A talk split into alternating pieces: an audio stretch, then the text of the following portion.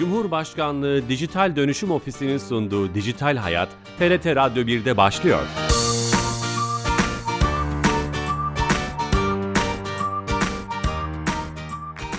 Herkese merhaba, ben Bilal Eren. Teknoloji ve dijitalleşmenin hayatlarımıza hem etkilerini hem sonuçlarını her hafta bir başka konuyla ele aldığımız Dijital Hayat programımıza hoş geldiniz. Her cuma olduğu gibi TRT İstanbul Radyo stüdyolarından kulaklarınıza misafir olmaya devam ediyoruz. Bu hafta hem sosyal medya platformlarında hem de akıllı tek, telefon teknolojilerinin gelişimiyle sadece fotoğraflarda değil, canlı video ve yayınlarda bile uygulanabilen yüz efekt ve filtrelerini ve bunun bireysel ve toplumsal etkilerini konuşmak istiyoruz. Çok değerli bir konuğumuz olacak. Klinik psikolog Doktor Sevilay Strava bizimle beraber olacak. Telefon attığımızdan konuğumuz olacak. Onunla bu konuyu psikoloji açısından, toplumsal ve bireysel psikolojimiz açısından konuşmaya çalışıyoruz, çalışacağız. Alo. Alo. Sevilay Hanım hoş geldiniz. Hoş buldum. Bu efekt ve filtrelerin nasıl çalıştığına dair e, e, onların bu kadar popülerleşmesini özellikle TikTok'taki canlı yayın ve videolardaki hareketli videolarda da yapılmış olması sadece fotoğraflarda değil. Nasıl yorumluyorsunuz? Ee, öyle başlayabiliriz. Tabii ki. Ee, şimdi öncelikle e, herkes e, aslında e, belli başlı hayatta yaşamlarını idame ettirirken ihtiyaçlara sahip. Bu ihtiyaçlardan bir tanesi de sevilmek, beğenilmek. E, bu yaş, e, cinsiyet ayırt etmeksizin e, insanların ihtiyaçlarından en önemli ihtiyaçlarından bir tanesi. Dolayısıyla da e, bu e, sosyal medyadaki e, filtreler, e, TikTok'taki filtreler e, bu amaca, bu ihtiyaca doğrudan hizmet ediyor ve çok kolay bir şekilde bu ihtiyacın doyurulmasını sağlıyor. E, çünkü e, o filtreler oluşturulurken belli amaçlar güdülerek oluşturuluyor. E, güzellik ya da e, beğenilme oranının e, artmasını sağlayan filtreler. E, dolayısıyla da kişiler bu filtreleri seçerken aslında garanti bir şekilde bu ihtiyaçlarının karşılanacağına dair bir inanç e, inanca sahip oluyorlar. E, çünkü öyle midir değil midir orası tartışılır ama kişi bu e, filtreyi kullanırken zaten majör e, insan topluluğu bunları kullanıyorsa zaten o zaman beğeniliyordur. O zaman ben de bunu kullanırsam beğenilirim. Daha kolay bir şekilde, daha garanti bir şekilde bu ihtiyacında doyurulmuş olur inancına sahip oluyor. Hı hı. Peki e, e, sahte güzellik insanı tatmin ediyor mu? Sonuçta bu filtreli bir güzellik ve e, başka bir şey hizmet ediyor. Bu nasıl insanı tatmin edebilir? Hani psikoloji, psikolojimiz açısından. Şöyle ki e, şimdi kişiler kendilerinin psikolojik olarak, duygusal olarak e, yeterli, değerli, tatminli hissedebilmesi için e, bir önce kendisine ve daha sonra da ki daha sonra da bir ötekine ihtiyaç duyuyor. Yani e, kendi zihninde e, nasıl, e, kendi duygusunda nasıl bu kişi, bir de öteki insanın duygusunda, öteki insanın zihninde nasıl algılanıyor. Bu önemli. Onun e, kendisini iyi hissetmesi, güzel hissetmesi, e, ve e, beğenilebilir hissedebilmesi açısından. Dolayısıyla bu filtrelerin kullanılıyor olması yani bir filtre ne kadar çok kullanılıyorsa bu demektir ki o kadar çok olumlu geri bildirim alıyor ki insanlar bu filtreler kullanılıyor. Varsayımından yola çıkarak ötekinin zihninde nasıl var olduğuna dair inancını e, doğrulamış oluyor. E, dolayısıyla eğer bir filtre çok kullanılıyorsa öteki insanlar bunu çok beğeniyor diye algılanabilir.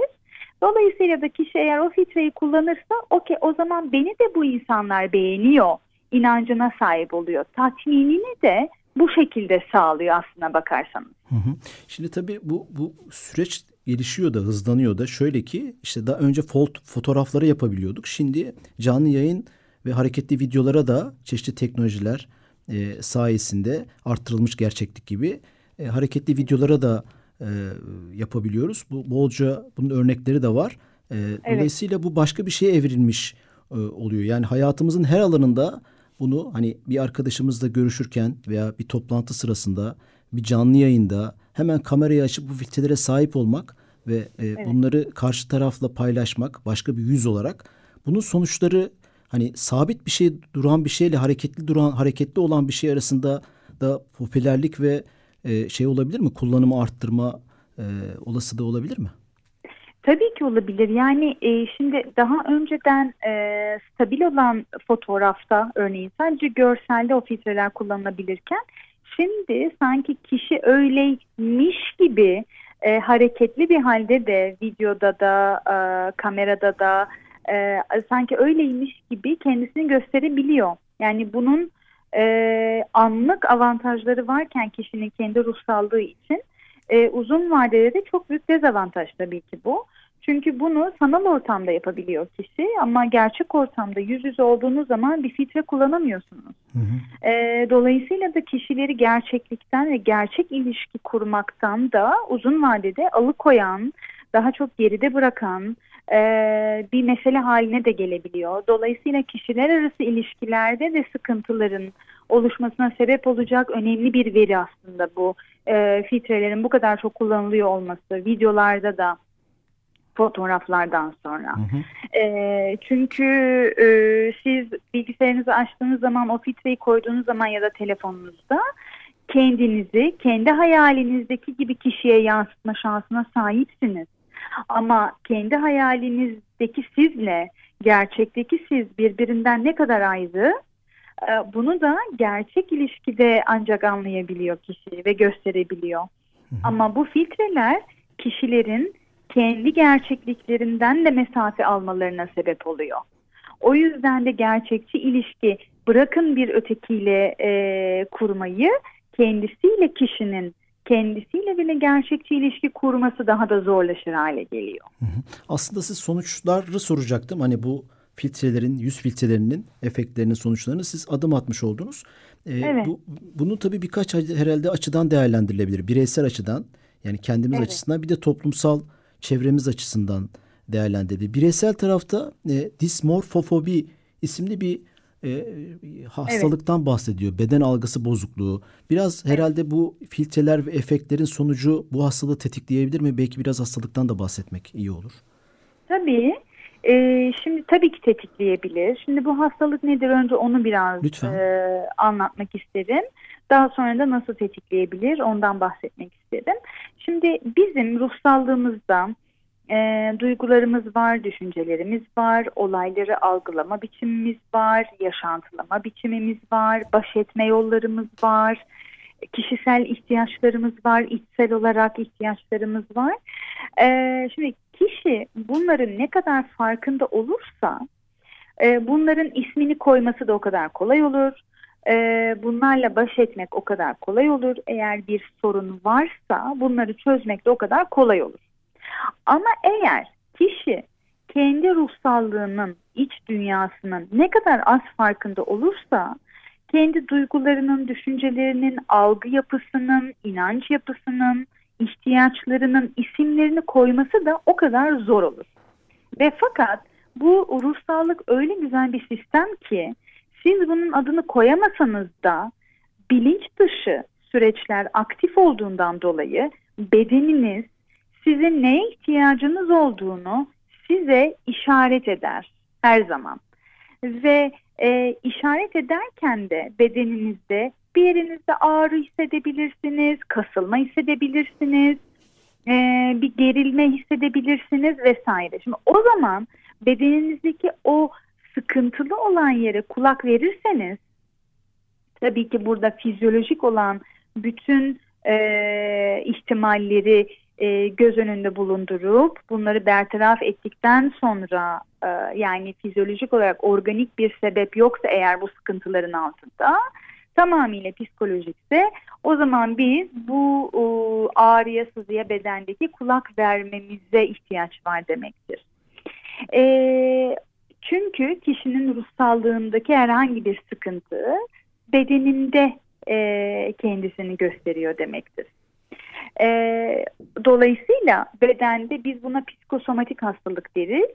Ruhsallıktaki bir sıkıntının bedende e, kendini gösteriyor olması.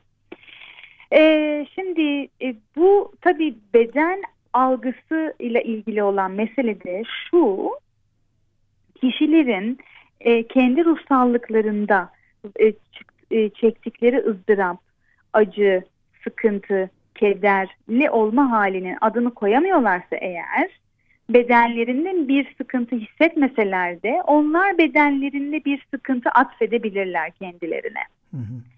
İşte biz buna dismomorfobi diyoruz.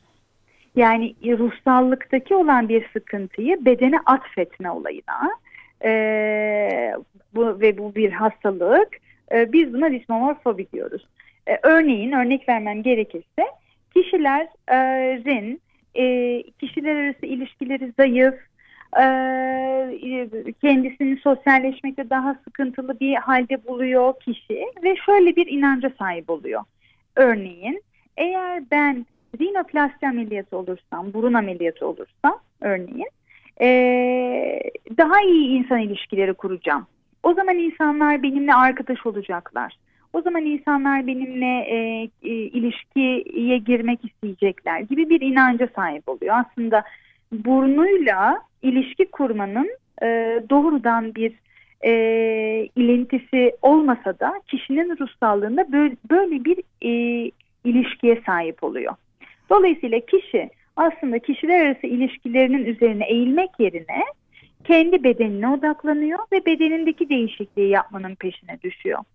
Sonra ne yazık ki bedeninde o değişikliği yapıyor örneğin bu ameliyat üzerinden gidersen tabii ben bir örnek üzerinden konuşuyorum daha net olsun diye. Hı hı. Ee, bu ameliyatı oluyor.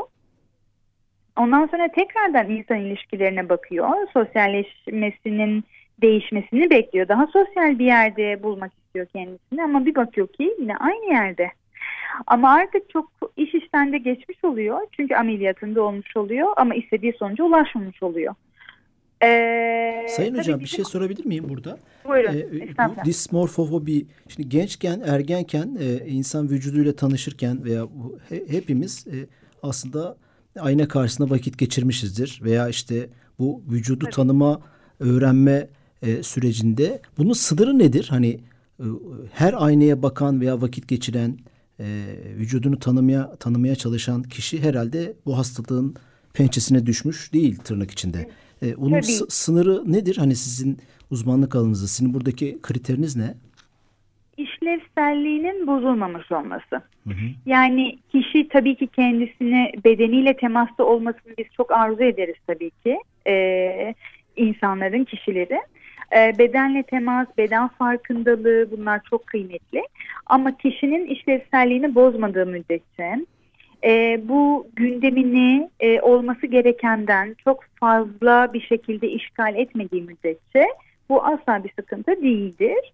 Ama eğer bu kişinin kendi gündeminde e, odak noktası haline geliyorsa, her konuyla ilişkilendiriliyorsa kişinin zihninde, çok fazla zihinsel mesai harcıyorsa bunun üzerine o zaman oturup bir düşünmemiz gerekir e, burada neler nasıl gidiyor diye. Harekete Burası geçip işte sosyal. estetik ameliyat e, masaya yatması veya bir psikolojik danışmana gidip çokça gidip tırnak içinde bu bir eyleme dönüşürse bir anlamda öyle diyebilir miyiz?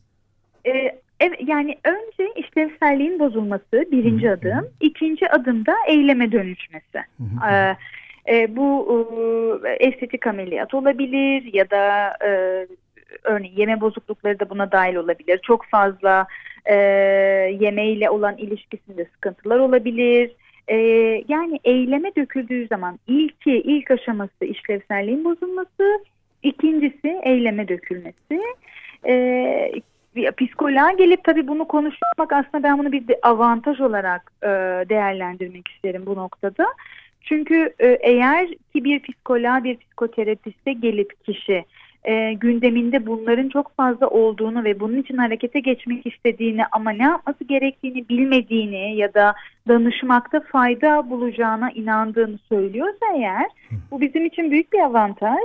Çünkü biz orada e, az önce de dediğim gibi e, kişiyi kendi gerçekliğinden, kendi içsel gerçekliğiyle dışsal gerçekliğin senkronize olmasına teşvik ediyoruz ve onu bulmasına yardımcı oluyoruz çünkü.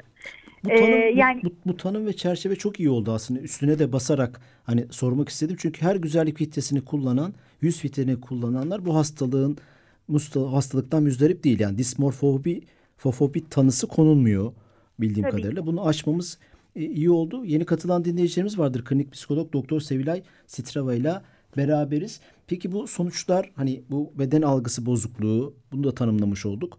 E, il, bu ilerideki sorunlar e, neler olabilir? E, işte e, acaba bir programın başında da siz ifade ettiniz. Ben de açarken anlatmaya çalıştım. Gerçek ilişkiler, fiziksel iletişim bir süre sonra e, sahte ve filtreli yüz halinden dolayı azalır mı? Bunun toplumsal bireysel sonuçları ne olur? Hani bireyden topluma geçecek olursak. Ee, şimdi bir kere e, gerçekçi ilişkilerden uzaklaşmış olur e, kişiler. Hı hı. E, dolayısıyla da e, mış gibi e, ilişkiler kurulmaya başlanır. Önce kişinin kendisiyle olan ilişkisi ki bu bence en tehlikeli olanı e, ve sonra da ötekileri e, ötekilerle olan ilişkisinde.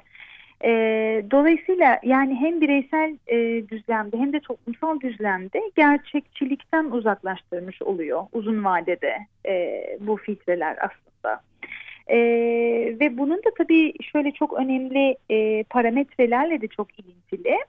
E, kişi ne kadar çok gerçeklikten uzaklaşırsa, gerçek ilişki kurmaktan uzaklaşırsa e, o kadar daha izole olma eğiliminde olur. Çünkü az önce de konuştuk aslında programın başında yani bilgisayar başı yani sanal ortamdan kendisini gösterme biçimiyle gerçek hayatta kendisini gösterme biçimi birbirinden farklı sanal ortam daha kolay ama gerçek ortamda daha çok emek var. Daha çok zaman harcamak var. Daha çok uğraş var.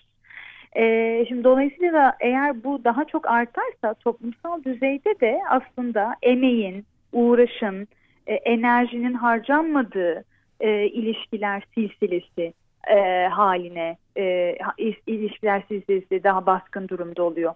Bu iş hayatında da geçerli, e, aile hayatında da, sosyal hayatta da, romantik ilişkilerde de. Yani ilişki derken aslında hepsini Hepsi. kastediyorum. Hı hı. E, dolayısıyla da e, bu e, mış gibi olma hali e, kişinin bütün hayatını işgal etmiş oluyor. Ee, Bu korkunç bir şey değil mi? Bu Evet. Yani distopik filmlerde, dizilerde, kitaplarda, eserlerde seyrettiğimiz, dinlediğimiz, okuduğumuz bir hal değil mi? Hani eve Tabii kapanmış, ki.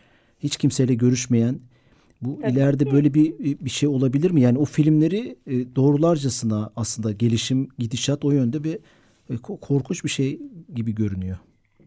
Kesinlikle öyle. E, çünkü kişi dolayısıyla eğer gerçek haliyle kendisini yaşama şansına sahip olursa yani gerçek haliyle filtresiz bir şekilde eğer o e, ilişkilerini kurarsa sosyal hayatında, iş hayatında.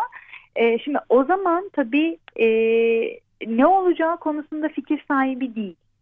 E, eğer beğenilir mi, beğenilmez mi, beğenilecek mi, sevilecek mi, başarılı bulun, bulunacak mı, bulunmayacak mı? Dolayısıyla bunlar belirsiz. Belirsizlik de her zaman kaygı uyandırıyor. Ee, Dolayısıyla da kaygı bozukluklarına da sebep olabiliyor. Çünkü kontrol edemiyorsunuz oraları değil mi? Bir ötekinin zihnini dışarı çıktığınızda, yolda bir arkadaşınızla karşılaştığınızda o anda onun zihninden ne geçiyor bilmiyorsunuz. Kontrol edemiyorsunuz. Sizin için belirsiz. Belirsizlik her zaman kaygıyı beraberinde getirir. Bu aslında filtrelerin hizmet ettiği bir noktada kaygıdan mesafe almaya, yardımcı olmaya çalışması kişiler kaygıdan mesafe alabilmek için bir ötekinin zihnini daha kontrol edebilmek için ne olduğu konusunda fikir sahibi olabilmek için çünkü o filtreler beğeniliyor. Demek ki onun tarafından da ben beğenileceğim inancı e, dediğim gibi az önce de kaygıdan uzaklaştırıyor. Ama daha izole olmasına sebep olduğu için depresif eğilimlerin artmasına da sebep olabiliyor. Hı hı. Programın bu bölümünde de biraz çözümleri konuşalım mı? Hani sizin hem uzmanlık alanınızda hem okumalarınızda gördüğünüz hani bu konu bu korkunç halin mutlaka bir yansıması olacak oluyor ama bunun çözümüne dair bir şeyler de yapmak lazım. Örneğin programın başında ben size bağlanmadan önce Norveç örneğini vermeye çalıştım. Norveç'te bir yasadan bahsetmeye çalıştım. Bilmiyorum hukuksal çözümler bu konuda e, ne kadar başarılı olur? Çoğu zaman olmuyor gibi görünüyor. Sizin çözüm evet. önerileriniz neler? Ee, benim önerim tabii şimdi e, hukuksal çözümler e, de bir yol elbette ki ama ben bir psikolog olarak e, önce kişinin kendi e, arzusunda, isteğinde, e, isteğine e, vurgu yapmak isterim. E, kişiler ne kadar kendilerinin içine dönmeye niyet ederlerse, kişiler ne kadar kendileriyle temas etmeye niyet ederlerse gerçek kendileriyle o kadar bu filtreler onların e, beğenilme ihtiyaçlarına hizmet etmez hale gelir. Çünkü zaten onlar kendilerini gerçek haliyle beğenirken bir ötekinin zihniyle uğraşmazlar. Bir ötekinin zihniyle uğraştıkları için zaten filtrelere ihtiyaç duyuyorlar. O yüzden yine kişinin kendisinde çok önemli, e, kişinin kendisine çok önemli pay düşüyor bu noktada. Niyet etmesi, bunun için zaman ayırması, enerji ayırması ve uğraş vermeye gönüllü olması lazım. E, çünkü siz istediğiniz yasakları getirin, istediğiniz uygulamaları getirmeye çalışın. Eğer kişi istemezse o yasaklara uymak, o uygulamalara uymak uymayacaktır mutlaka ki. O yüzden çözüm, e, en önemli çözüm, en kuvvetli çözüm e, kişinin kendi içine dönmesi, ne oluyor bende? Ee, ne hissediyorum ben? Ne istiyorum? Neye ihtiyacım var? Ben e, böyle hissediyorum. Neden acaba böyle hissediyorum diye zihinsel mesai harcarsa eğer e, zaten kendisiyle daha barışık ve tanışık hale gelecektir. O yüzden de bir ötekine ihtiyaç daha az duyacaktır. Şöyle görünüyor. E, bu filtreyi kullanan fenomenler veya işte toplumun önündeki sanatçılar veya ünlüler veya işte bu filtrelerle örnek olan, ünlü olan e, insanlar birer başarı hikayesi gibi ortaya çıkıyor. Bazıları da gerçekten başarı hikayesi de yaratabiliyor maddi manevi anlamda. Topluma bunlar sunuluyor devamlı ve bunlar göz önünde. Halbuki bunun bir başka tarafında da bu güzellik filtrelerinden, e, efektlerden e, muzdarip olan belki milyonlar, on binler, yüz binler var. Ama bu hikayeler bunlar görünmüyor. Acaba e, bu gençlere veya bunları kullanmakta bağımlı olan insanlara bu hikayeleri mi göstermek lazım? Sizin metotlarınızdan tedavi metotlarınız arasında var mı bu? Doğru bir şey mi söylüyorum? Ee, şimdi tedavi metotları aramızda bu yok. Ee, ama bunlar e, şu açıdan etkili olabilir. E, sonuçta tek bir şeyden dolayı o insanlar çok başarılı olmuyorlar ya da tek bir şeyden dolayı o insanlar çok başarısız olmuyorlar. Az kümülatif olarak bir başarıdan ya da kümülatif olarak bir başarısızlıktan bahsetmek gerekir o noktada. Ee, o yüzden aslında yine ben gerçekçiliğe vurgu yapmak e, isterim bu noktada. Ee, yani filtrelerle e, başarı hikayeleri oluşturmak da ne kadar gerçekçi, ne kadar değil kişilere belki onu anlatmakta fayda var. Çünkü başarı dediğimiz şey emek olmadan, uğraş olmadan, enerji sarf etmeden olabilecek bir şey değil. İstediğiniz filtreyi kullanın. Ha, belki oradaki filtre sizin için bir e, joker olabilir, bonus olabilir. Ama sadece filtreden dolayı değil. Ha böyle yansıtılabilir evet. E, çünkü bu günümüzde sadece filtreler için değil ama daha kolay yoldan e, başarıya ulaşma, daha kolay yoldan e, iyi hissetme hali e, daha çok e, sanki daha kolay ve e, elde edilirmiş gibi bir imaj da var aslında özellikle sosyal medyada. Çok doğru. E, bunun böyle olmadığını e, göstermek lazım. Evet. Yani başarı zor. E, başarı. Evet çok zor ulaşım ve o başarıyı evet. elde etmek. Onu anlatmak lazım. Ee, evet. Süremizin çok sonuna e, süremizin sonuna geldik ama çok iyi aslında toparladığımızı düşünüyorum. Çünkü zor da bir konu. Evet. Teknolojinin e, psikoloji etkilerini e, konuşmak. E, her evet. çağda da bu var. Çok teşekkürler. Emeğinize, ağzınıza sağlık. Ben çok teşekkür ederim. Çok sağ olun. Çok teşekkür ederiz. Evet, klinik psikolog doktor Sevilay Sitrava ile e, yüz filtrelerinin ve efektlerinin özellikle canlı yayın ve videolarda, hareketli videolarda da kullanılmaya başlanan e, sonuçlarını, toplumsal sonuçlarını, bireysel sonuçlarını ve çözüm yollarını e, konuşmaya çalıştık. E, disfo, dismorfofobi telaffuzunda bile zorlandığımız bu beden algısı bozukluğunu da anlatmaya çalıştık. E, haftaya yeni bir konu ve konukla beraber olacağız.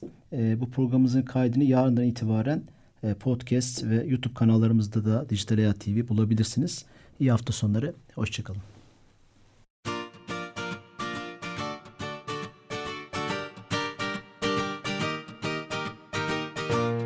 Cumhurbaşkanlığı Dijital Dönüşüm Ofisi'nin sunduğu Dijital Hayat, TRT Radyo 1'de sona erdi.